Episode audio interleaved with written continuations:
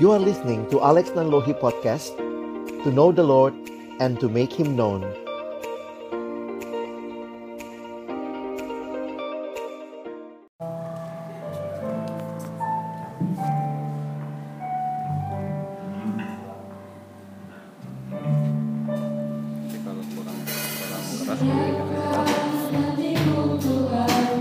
Dengar firman-Mu saat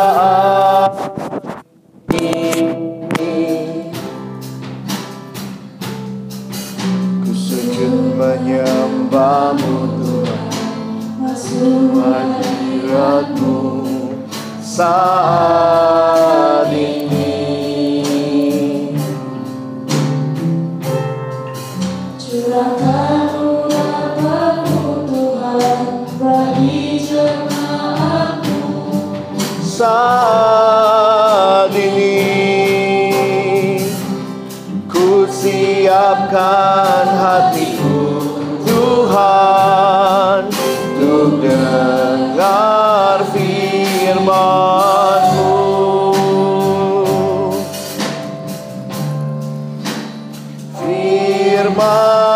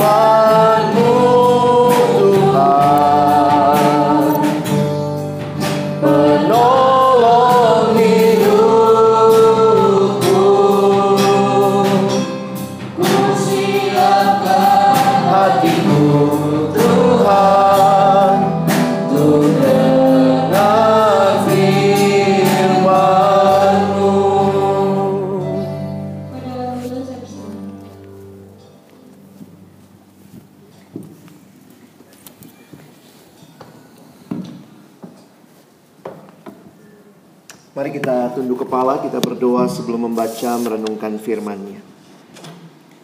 Bapa di dalam surga, kami datang bersyukur kepadamu pagi hari ini. Ada kesempatan bagi kami untuk beribadah, memuji, memuliakan namamu. Sungguh Tuhan engkaulah satu-satunya pribadi yang layak menerima segala puji, hormat, dan sembah kami. Kembali kami mau membuka firman-Mu. Kami mohon ya Tuhan bukalah juga hati kami. Jadikanlah hati kami seperti tanah yang baik. Supaya ketika benih firman Tuhan ditaburkan itu boleh sungguh-sungguh berakar, bertumbuh. Dan juga berbuah nyata di dalam kehidupan kami. Berkatilah baik hambamu yang menyampaikan dan setiap kami yang mendengar. Tuhan tolonglah kami semua. Agar kami bukan hanya menjadi pendengar-pendengar firman yang setia, tapi mampukan dengan kuasa dari rohmu yang kudus. Kami dimampukan menjadi pelaku-pelaku firman-Mu di dalam kehidupan kami, di dalam masa muda kami. Bersabdalah ya Tuhan kami sedia mendengarnya. Di dalam satu nama yang kudus, nama yang berkuasa, nama Tuhan kami Yesus Kristus. Kami menyerahkan pemberitaan firman-Mu. Amin. Shalom. Selamat pagi Bapak Ibu Guru dan juga adik-adik yang saya kasihi dalam Tuhan Yesus. Kita bersyukur pagi ini boleh sama-sama beribadah. Tidak semua sekolah punya kesempatan ibadah seperti ini. Karena itu mari kita menghargai bersama kesempatan ini untuk beribadah, memuji, memuliakan Tuhan dan dengar firman-Nya.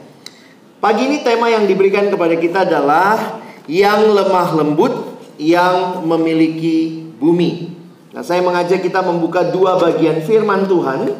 Yang pertama kita lihat di dalam Matius pasal yang kelima.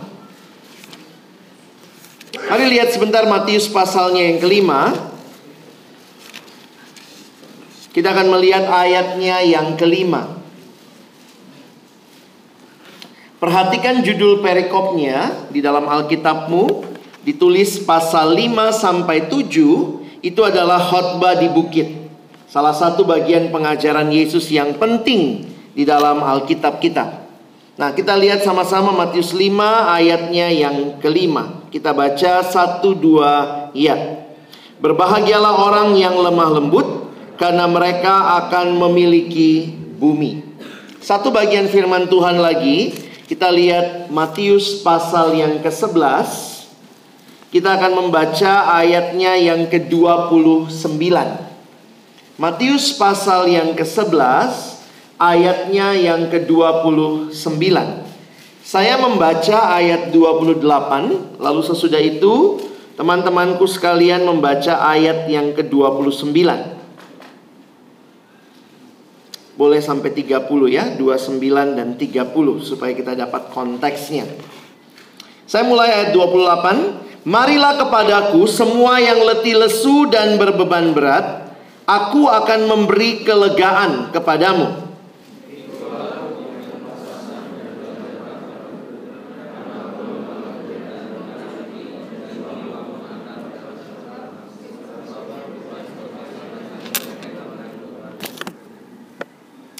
Nah, saudara yang dikasihi Tuhan, saya ingin mengajak kita sama-sama melihat dari ayat yang kita sudah baca tadi, berbahagialah orang yang lemah lembut.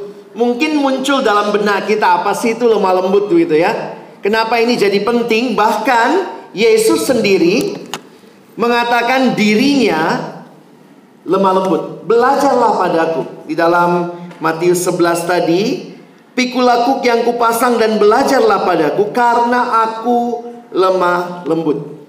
Kalau kita jadi murid Yesus dan kita tahu bahwa Tuhan juga mau kita belajar jadi lemah lembut, maka kiranya di tengah-tengah dunia ini kita menjadi murid yang meneladani Yesus.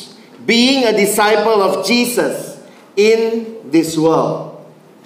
Nah, saya ingin mengajak kita melihat bagian ini kita mulai dengan bagian yang pertama. Coba teman-teman perhatikan kata berbahagialah. Nah, apa yang dimaksud dengan berbahagia? Kalau kalian perhatikan, ini seruan dengan nuansa sukacita. Berbahagialah bukan sekedar pernyataan yang datar. Jadi jangan dibaca berbahagialah, tapi Yesus mau mengatakan blessed dalam bahasa Inggris dipakai istilah blessed who are gitu ya. Berbahagialah, diberkatilah dalam istilah yang lain. Kalau kalian perhatikan di dalam bahasa aslinya, ini menggambarkan sukacita yang tidak tergantung faktor dari luar. Sukacita yang lahir dari dalam, yang tidak bisa dihalau oleh kesukaran, penderitaan dari luar diri. sukacita yang ada di dalam batin seseorang. Jadi sebenarnya apa sih yang Tuhan mau sampaikan? Tuhan mau kita, murid-muridnya, belajar seperti dia, memiliki kekuatan di dalam batin kita, dan ini yang biasa disebut dengan karakter. Jadi makanya ada satu penulis yang coba menggambarkan begini ya.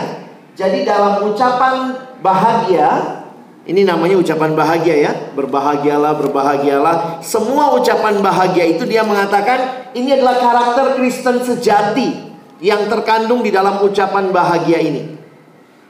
Mulai dari awal bergantung penuh itu tentang orang yang miskin di hadapan Allah. Mungkin kalian juga pernah baca itu. Lalu berduka cita karena kejahatan. Nah, hari ini sebenarnya lemah lembut. Lemah lembut yang dimaksud adalah menguasai diri. Ini jadi penting buat kita pahami sama-sama. Nanti kemudian kita bisa lihat lagi sampai kemudian bagian yang terakhir rela hidup benar. Jadi nanti kalian daftarkan itu ucapan bahagia 1 2 3 4 5 6 7 8 ucapan bahagia. Hari ini kita lihat yang ketiga. Berbahagialah orang yang lemah lembut dalam bahasa yang lain lebih sering dipakai sebenarnya bahasa yang lebih gampang kita mengerti adalah penguasaan diri. Nah, perhatikan sama-sama teman-teman, waktu bicara tentang lemah lembut dalam bahasa Inggrisnya istilah yang dipakai adalah meekness. Banyak orang berpikir lemah lembut itu kayak lemah gemulai, putri solo. No. Orang yang meekness itu beda, tidak sama dengan orang yang weak. Jadi kelemah lembutan beda dengan kelemahan atau orang yang lemah. Jadi apa yang dimaksud dengan lemah lembut? Nah, teman-teman di dalam bahasa aslinya ini dipakai dari satu kata yang dipakai um, kata aslinya nah, jud, uh, bahasanya dalam bahasa Yunani ya bahasa asli Alkitab Perjanjian Baru dipakai kata praus. Nah, praus itu apa? Ada gambarannya begini. Kalian pernah lihat kuda liar? Nah, kuda liar itu bisa dijinakkan. Nah, ketika kuda liar itu sudah dijinakkan, maka dia dikatakan praus. Dia sudah berhasil ditaklukkan. Jadi pertanyaannya begini, apakah kuda liar itu masih punya kekuatan sebagai kuda yang liar sebelumnya? Pasti masih punya. Tapi dia sudah bisa dijinakkan. Nah, jadi gambarannya adalah kekuatannya tetap ada, tapi sudah bisa dikontrol. Makanya banyak yang menggunakan istilah lemah lembut dengan bahasa yang lain, penguasaan diri. Seorang teman saya kasih definisi ini. Lemah lembut itu orang yang tegas pada prinsip. Tidak boleh, tidak boleh. Tapi lentur pada cara. Misalnya cara ngasih taunya, cara untuk mendekatinya. Kadang-kadang kita jadi suka kompromi, tidak tegas sama prinsip, caranya juga tidak tegas. Atau ada yang tegas pada prinsip tapi kemudian tidak lentur pada cara. Nah, ini mungkin juga banyak pengalaman orang tua dengan anak gitu ya. Kalau orang tua sudah ngomong pokoknya Wah, kayaknya anak udah langsung bereaksi. Apalagi kalau cara-caranya, pendekatannya, pendekatan yang mungkin kalian bilang itu pendekatan papa mama jadul. Makanya jadi orang tua pun harus belajar lemah lembut. Termasuk kalian, anak-anak sekarang juga belajar lemah lembut. Punya prinsip tapi lentur pada cara. Kadang-kadang orang tua bicara ngomel, ya dengerin aja dulu. Saya tegas pada prinsip, saya hormati orang tua. Saya dengarkan mereka. Dan caranya adalah kita punya sikap hati yang tepat. Makanya ini lebih kepada sikap batin teman-teman ya. Karakter itu bukan sesuatu yang lahir begitu saja. Di dalam bagian lain, hari ini Kalex mau coba perkenalkan kepada kalian nuansanya lemah lembut itu seperti apa ya. Saya setuju dengan istilah ini. Lemah lembut itu orang yang memiliki kecerdasan emosi yang baik, emotional quotation yang baik. Sekarang ini orang bukan hanya dilihat dari dia cerdas secara intelektual, ada di atas kertas IQ. Wah, dia IQ-nya berapa begitu ya? Tapi mulai kemudian masuk kepada orang yang juga cerdas emosinya. Ada anak yang pintar luar biasa tapi murung. Pintar luar biasa tapi meletup-letup. Atau ada juga sekarang mulai masuk kepada yang namanya spiritual quotation. Jadi bukan hanya kecerdasan intelektual, kecerdasan emosional, tapi juga kecerdasan spiritual. Nah, ini kalau digabung tuh kamu jadi pribadi yang lebih utuh, ya. Nah, apa artinya lemah lembut itu memiliki kecerdasan emosi yang baik? Banyak orang mengkaitkan lemah lembut dengan marah. Orang yang lemah lembut, orang yang tidak pernah marah. Is it so? Enggak. Yesus lemah lembut. Kita udah belajar tadi ya. Yesus mengatakan aku lemah lembut. Tapi Yesus pernah pernah marah. Seumur-umur kok Alex marah, belum pernah sampai banting-banting meja, balik-balikin meja. Tuhan Yesus tuh kok luar biasa begitu marahnya. Jadi kemudian ada satu buku yang saya baca, dia bilang begini, lemah lembut itu adalah sebuah sikap antara ini marah yang berlebihan, tentu ini marah yang nggak benar, dan yang tidak pernah marah. Orang yang lemah lembut itu berada di antaranya. Jadi orang yang lemah lembut bukannya nggak boleh marah, bukannya nggak pernah marah, tapi juga bukan yang marah-marah nggak jelas. Jadi apa artinya? Saya simpulkannya begini. Orang yang lemah lembut dia marah karena hal yang seharusnya. Dan juga dia tahu kapan harus marah. Ayo coba cek lagi hidupmu. Jangan-jangan kamu tipe uring-uringan yang gak jelas. Maaf ya, kalau kalian wanita mungkin ada waktu-waktu ketika kalian mendekati menjelang masa menstruasi itu secara emosional bergejolak. Itu understandable. Oke. Okay? Tapi kalau sehari-hari kalian tukang marah, yang kena pembantumu di rumah, supirmu, papamu, mamamu, koko, cici, dede. Coba perhatikan nih. Jangan-jangan kamu bukan orang yang lemah lembut. Maksudnya apa? Sekarang ini memang generasinya, saya harus katakan kita sulit buat marah. Waktu marah nggak marah, waktu harusnya nggak marah malah marah, begitu ya. Um, anak sekarang marahnya kenapa ya? Nggak ada colokan, marah. Wifi mati, marah. Uh, HP disita, marah, ya. Itu Bapak Ibu guru dengar tuh di belakang ya. Tapi kalian mah HP disita beli lagi gitu ya. Susah. Apa yang harusnya kita marah? Kenapa Yesus marahnya luar biasa? Pada waktu itu kemarahan Yesus bukan kemarahan sekedar marah tanpa alasan. Bait Allah dijadikan tempat jual beli. Jadi kalau kalian tahu pada waktu itu Israel itu mereka kan beribadah pakai kurban. Kalau mereka bawa kurban dari rumahnya, kita bisa gantian bicara sebentar ya. Kalian saya paling depan dan itu mengganggu bukan cuma saya tapi teman-teman yang lain. Kalau enggak duduknya misah dulu ya. Oke. Jadi teman-teman waktu itu orang-orang Israel kalau bawa kurban dari tempat yang lain dari rumahnya sampai di bait Allah itu harus dikir dulu, di diukur pas atau tidak. Nah, pada waktu itu biasanya kalau udah sampai bait Allah langsung oh ini nggak pas. Karena itu mesti beli lagi. Nah, daripada begitu akhirnya di dalam bait Allah terjadi jual beli kurban. Siapa yang jualan? Orang-orang yang sekongkol sama imam-imam yang menentukan itu. Makanya sangat busuk konspirasinya di bait Allah terjadi permainan uang yang luar biasa. Yang kedua, pada waktu itu mata uang yang dipakai itu mata uang Romawi Sementara di bait Allah tidak terima mata uang Romawi. Jadi yang dipakai apa?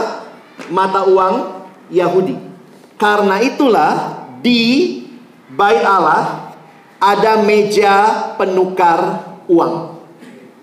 Jadi itu sekedar konteks biar kalian tahu ya. Makanya di bait Allah tuh ada meja penukar uang. Kenapa? Karena dengan meja penukar uang itu maka orang-orang yang datang bawa mata uang Romawi yang sehari-hari dipakai di perdagangan harus ditukar ke mata uang mata uang Yahudi. Nah, di situ terjadi permainan kurs. Jadi waktu Tuhan Yesus lihat di bait Allah ada pedagang-pedagang penjual, Tuhan Yesus lihat ada meja penukar uang, maka ketika dia marah, Alkitab mencatat Yesus membalikkan meja-meja itu, itu gambaran dari satu kemarahan karena bait Allah yang seharusnya orang datang menyembah Allah menjadi bait Allah di mana dinajiskan. Yesus lemah lembut, tapi dia tahu kapan harus marah. Lihat temen nyontek marah nggak? Kalau udah nggak ada kemarahan, hati-hati kita mesti cek diri nih. Kenapa biasanya kita nggak marah lihat orang bikin dosa? Bisa jadi karena kita juga ikutan. Lu nyontek, gue juga. Tos. Jadi susah. Itu kadang-kadang masalahnya di situ tuh. Lihat temen nonton film porno marah nggak? Nggak marah, pinjem dong. Wah. Jadi itu hati-hati ya. Generasi kalian harus benar-benar pikirin nih. Makanya orang yang lemah lembut itu orang yang tegas pada prinsip. Dia pegang kebenaran. Yesus perlu marah, marah. Waktu dia mesti marah, dia marah. Tapi waktu dia harus menegur, mesti ingat wanita yang datang ke kaki Yesus. Yang, oh sorry, wanita yang datang karena dia kedapatan berzina. Terus Yesus bilang, tolong siapa yang gak berdosa lemparin duluan. Setelah semua pergi, pergi, pergi dari yang paling tua Alkitab katakan. Lalu Yesus deal dengan wanita ini. Yesus tegas pada prinsip. Jangan berbuat dosa. Pergilah, aku tidak menghukum kamu. Tapi jangan lagi berbuat dosa. Kepada wanita yang kedapatan berzina, Yesus tegas pada prinsip, lentur pada cara. Kalau orang Yahudi di bait Allah kayaknya udah nggak bisa dibener, nggak bisa dilembut-lembutin gitu ya. Jadi Yesus marahnya keras, balikin tuh meja-meja. Kenapa? Di situlah kita melihat marah karena hal yang seharusnya dan tahu kapan harus marah. Saya kaget baca, kalian deng, baca sempat di kayaknya di line muncul juga gitu ya.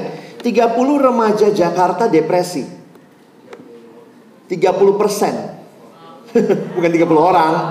30 persen remaja di DKI Jakarta itu kategorinya depres. Dan itu masalah emosional, jujurly speaking ya. That's an emotional problem. Ya, why? Saya nggak tahu deh. Banyak macam-macam nih. Bisa jadi tekanan studi itu satu. Yang kedua pergumulan keluarga. Yang ketiga tekanan sosial.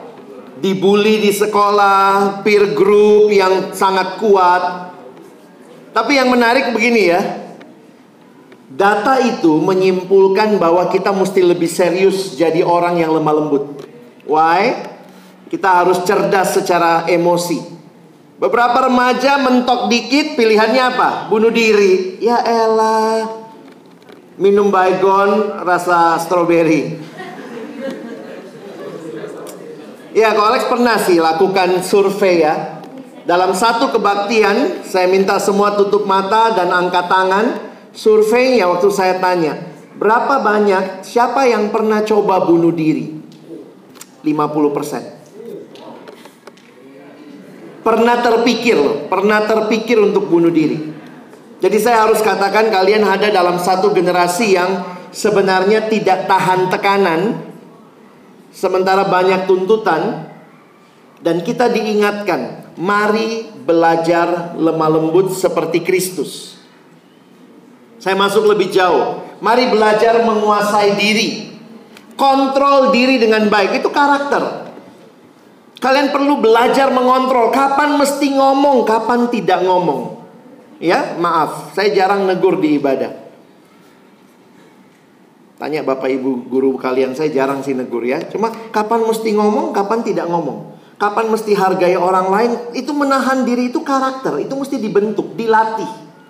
Sorry ya, kadang-kadang manusia lebih sulit daripada hewan di train. Kenapa? Kita punya brain. Hewan cuma punya insting. Yang insting aja bisa di train, apalagi kita yang punya brain. Nah itu yang kadang-kadang saya pikir, iya ya, kita mesti belajar. Jangan jangan jangan pernah berhenti untuk belajar. Karena menguasai diri, saya pun lagi terus belajar menguasai diri. Nggak gampang kan menguasai diri? Lihat kalimat Alkitab. Amsal 25 ayat 28. Orang yang tak dapat mengendalikan diri adalah seperti kota yang roboh temboknya. Pada masa itu, kota yang baik pasti punya tembok kota yang kuat. Jadi kalian bisa bayangkan masa itu, kota itu punya tembok. Masih ingat Yeriko? Jadi kalau kota temboknya roboh, itu gampang sekali musuh menyerang. Nah lihat cara penulis Alkitab menggunakan istilahnya. Orang yang tak dapat mengendalikan diri itu ambang kehancuran. Gampang banget diserang. Teman ngajak ini oke, okay. teman ngajak itu oke, okay. diajak bunuh diri iya, diajak minum iya, diajak ngerokok iya. Wow. Kalau sudah begini, you lose control. Saya pikir kita bersyukur gitu ya. Nah, ini positifnya. Orang yang sabar melebihi seorang pahlawan. Orang yang menguasai dirinya melebihi orang yang merebut kota. Jadi dia mau bicara bahwa kalau kita bisa kontrol diri kita. Kita bisa bangun karakter seperti itu. Nah ini bahasa Alkitabnya hari ini lemah, lemah lembut. Emosionalnya terkontrol. Secara sosialnya terkontrol. Bisa mengendalikan diri. Janji firman Tuhan apa? Orang ini akan memiliki bumi. Bahasa aslinya pakai kata mewarisi. Mewarisi land. Maksudnya apa? Saya menyimpulkannya sebenarnya begini nih. Menikmati berkat Tuhan dalam hidup. Kenapa dia pakai mewarisi bumi? Tuhan Yesus bicara kepada orang Yahudi. Orang Yahudi itu punya konsep seperti yang dijanjikan kepada Abraham bahwa keturunannya akan memiliki bumi. Jadi kalau bahasa kita perjanjian baru karena kita tidak bicara tanah lagi, maka kita bicara bahwa semua orang yang boleh mengalami karakter-karakter yang Yesus bilang tadi. Kamu yang lemah lembut, kamu akan menikmati berkat Tuhan dalam hidup. Jadi banyak orang mau berkat Tuhan, tapi tidak belajar train themselves. Mari belajar train hidup kita. Bangun karakter. Nah, salah satu yang saya syukuri di sekolah ini kalian bukan hanya di train otaknya, tapi paling tidak dilatih karakternya, ya. Saya kutip satu kalimat, ini gambaran menara Babel kalau kalian googling. Membangun sebuah masyarakat hanya berdasarkan sukses-sukses kuantitatif. Nilainya berapa? Berapa uang yang dia punya itu sukses kuantitatif. Yang bersifat material dan eksternal adalah ibarat membangun sebuah menara Babel. Yang puncaknya menggapai langit namun fondamennya keropos. Semakin tinggi menara itu, kerobohannya akan berakibat semakin fatal. Ini tulisan dari seorang bernama Pendeta Eka Dharma Putra. Almarhum, dia tulis kalimat ini untuk menyadarkan orang Kristen jangan selalu bicara sukses kuantitatif saja. Dan dia bilang, apa fondamen itu? Fondamen itu karakter. Kapan terakhir kali kita bicara tentang karakter? Jangan-jangan ini generasi yang dibiarkan tumbuh tanpa karakter. Karakter itu apa? Pentingnya bangun karakter. Coba definisikan sukses. Dari situ ketahuan karaktermu. Sukses itu kalau uang banyak. Oh, berarti kamu hanya melihat how much you have. Atau sukses itu what you are, who you really are. I am a good person. I can control myself. Even though I have a lot of money, but if I cannot control myself, then I'm nothing. Ya juga ya. Sometimes we think we have everything. But that's only how much you have or what you have. But character is not talking about that. It's talking about what you are, how good you are. Eka Dharma Putra lanjutkan lagi. Di dalam masyarakat kita sekarang, karakter seperti kejujuran, integritas moral, keberanian, dan sebagainya justru menutup banyak pintu kesempatan dan kemungkinan. Orang bilang, udahlah jangan jujur-jujur amat. Ngapain sih hidup baik-baik gitu ya? Sebaliknya, sukses membuka pintu yang lebar. Sehingga dia katakan bagaimana orang tidak tergoda. Lalu pendeta Eka Dharma Putra menutup dengan pertanyaan ini. Apa tantangan generasi muda masa kini? Lalu dia bilang, bagi saya tantangan untuk menjadi generasi yang kreatif dan mandiri, generasi yang berkarakter dan bermoral kuat, generasi yang memiliki kesadaran solidaritas kebersamaan yang tinggi. Bukan solidar bolos ya, bukan solidar untuk hal-hal yang negatif. Generasi yang baik, kualitatif dan kuantitatif. Jangan pikir nggak butuh kuantitatif. Tapi ketika secara kualitatif baik, kuantitatif akan menyusul harus lebih baik dari generasi sebelumnya. Kritik saya kepada sekolah-sekolah di Indonesia, pertanyaannya ini nih. Kita lagi bangun apa? Karakter atau reputasi? Kadang-kadang memang nggak mudah ya. Orang tuamu biasanya sekolahin kamu ke mana karena lihat spanduknya ada yang menang olimpiade. Jarang kan dibilang nih murid yang nggak pernah nyontek dipasang fotonya gitu ya. Murid yang berkarakter. Ini murid yang cinta sesama meskipun dia dibully misalnya gitu ya. Itu nggak laku lah di spanduk sekolah. Yang laku tuh memang karakter apa reputasinya. Yang saya harus katakan buat orang Kristen harusnya ini bukan pilihan. Karena itu Kolex tulis ya karakter atau reputasi. Saya jawabnya apa? Karakter dan reputasi. You need to have a good character and a good reputation. Itu bukan either or. Ya.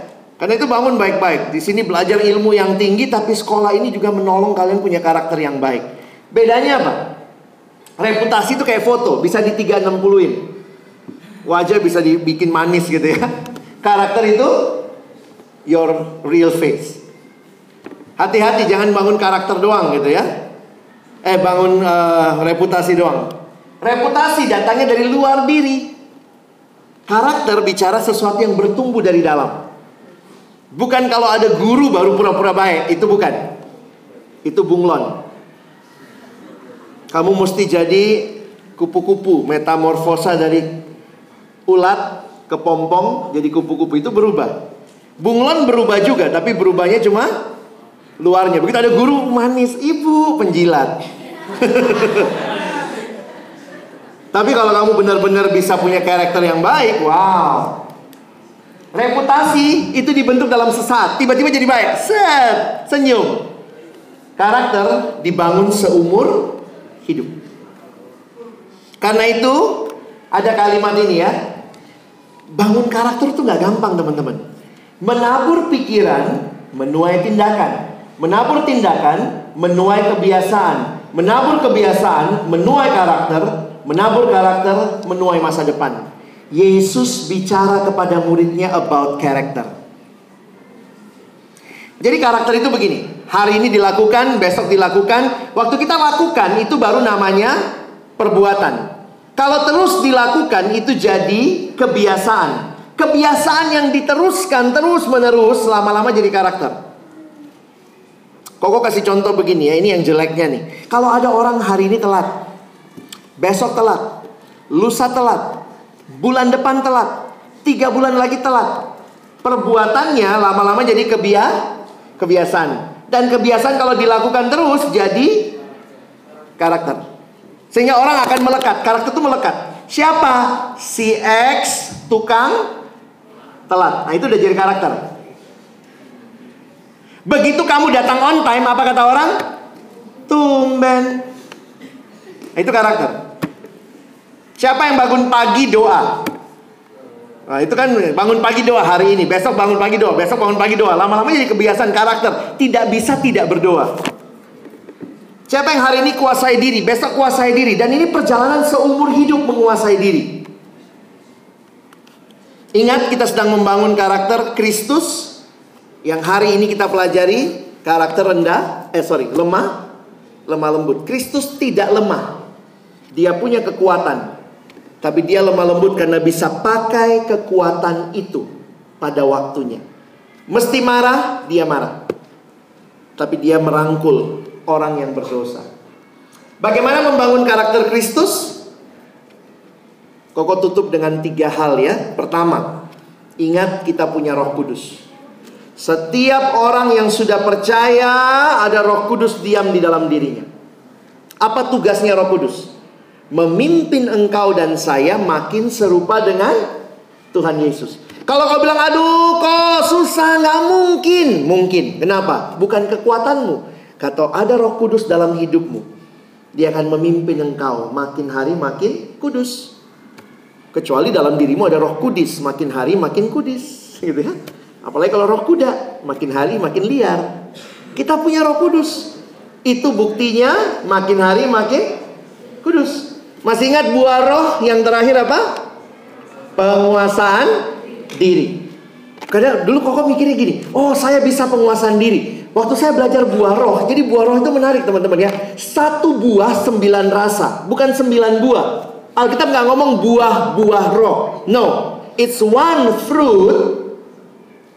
Sembilan rasanya, kalah nano-nano. Satu permen tiga rasa doang. Ini sembilan rasanya. Dan salah satu adalah penguasaan diri. Jadi itu bukan buahnya saya. Saya tidak bisa berbuah penguasaan diri. Saya yang sudah jatuh dalam dosa, saya akan boro-boro kuasai diri. I lost my control. Tapi waktu saya terima Roh Kudus, Roh Kudus yang diam di dalam saya akan melahirkan buah yang di dalamnya ada penguasaan diri. Makanya penting sekali kita pahami. Bisa nggak lemah lembut? Bisa. Kenapa? Karena ada Roh Kudus yang diam di dalam diri kita. Yang kedua, bagaimana menolong kita terus bisa lemah lembut? Baca firman Tuhan. Belajar dari Yesus ya. Kapan mesti marah? Tahu marahnya karena apa? Ketika ketidakbenaran harus marah, ketika hal yang benar jangan marah. Belajar lembut, belajar merangkul, belajar menerima orang lain, belajar mengampuni. Dan itu dipraktekkan di mana? You need to have a community to do all that kind of things. Kita tidak bisa lemah lembut kalau kita tidak ketemu orang lain. Agama tertentu bilang begini, makin dewasa rohani, makin dewasa karakter, pergilah ke gunung bertapa, nanti lama-lama kamu jadi dewasa. Kristen bilang no. You want to grow in faith? Come into community. Komunitas paling kecil, keluarga, gereja. Di mana kita bisa belajar kasih? Kasih itu nggak bisa dipelajari di gunung bertapa yang lewat monyet, hanyet, aku mengasihimu. Semua buah roh hanya mungkin diterapkan di dalam komunitas. Gimana mengasihi? Kalau ada yang sharing partner. Jadi satu waktu koko ketemu satu anak ya dia terlibat pelayanan di gereja. Dia bilang gini, Kok saya pikir masuk pelayanan itu suasananya surgawi, ternyata agak nerakawi. Kenapa? Saya ketemu ada satu anak kok di, di kepengurusan gua. Gue ciong banget sama dia. Kenapa ciong gimana? Kalau saya punya pendapat pasti dibantah sama dia. Gue mau keluar aja, ah, malas ketemu dia. Lalu kok gue bilang gini, ingat ya, kamu pernah nggak berdoa minta Tuhan, aku mau belajar mengasihi. Pernah kok. Nah, ini kesempatannya. Dia nih Tuhan pakai menolong kamu menga mengasihi. Kadang-kadang ada yang bilang begini, "Kenapa Tuhan papa saya cerewet banget?" Kadang-kadang saya lihatnya secara positif. Itu cara Tuhan menolong kamu bertumbuh dalam kasih. Kalau kamu hanya mengasihi orang yang sesuai dengan maumu, sebenarnya kamu belum pernah belajar mengasihi. Tapi waktu kamu lihat orang ini kok nggak persis seperti yang saya mau, kok nggak nggak mirip seperti yang saya pengen, saya nggak bisa mengasihi dia. Itu kesempatan belajar mengasihi. Tuhan, saya mau belajar lemah lembut. Tuhan izinkan kamu punya komunitas, ya. Jadilah komunitas yang menolong satu sama lain bertumbuh di dalam karakter. Ingat, karakter tidak pernah bertumbuh di dalam kesendirian. Character always grows in community. You have the Holy Spirit, you have God's Word, and you have community to help you build a meekness, a self-control character in your life. Ya, kiranya teman-teman, adik-adikku boleh terus bertumbuh di dalam karakter lemah lembut ini ya. Amin. Mari kita berdoa.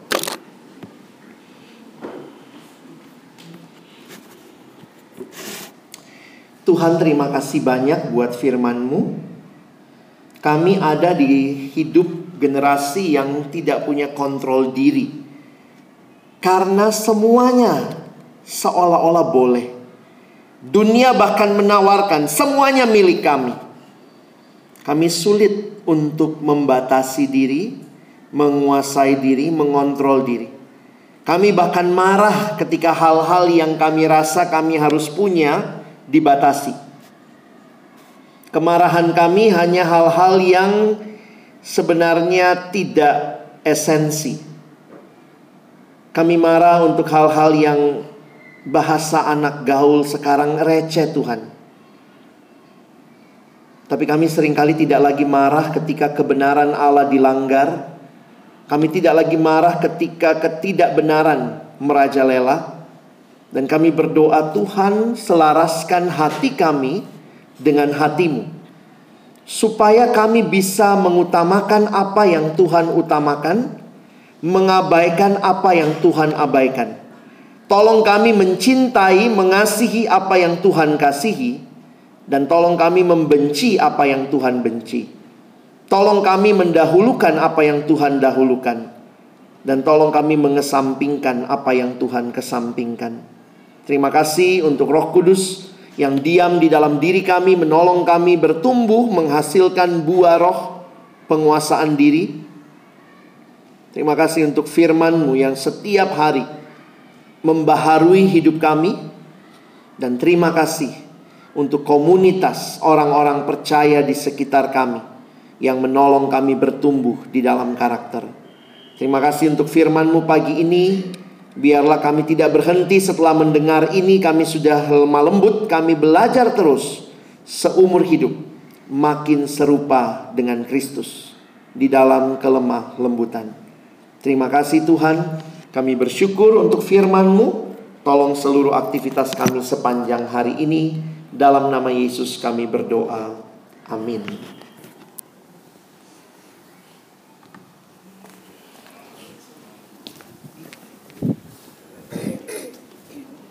Pak Arya. Eh, saya singkirkan Daniel karena ada dharma yang harusnya nggak boleh duduk di situ.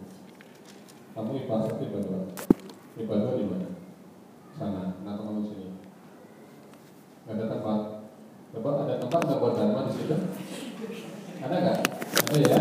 Banyak ya. Jangan jadi biasa ya. Di mana posisi kamu ya di situ. Makanya kamu gangguin si si Daniel, makanya Daniel saya pindahin supaya aman di situ. Ya. Oke, nanti diulangi lagi ya. Nanti kalau ulangi lagi saya langsung kasih.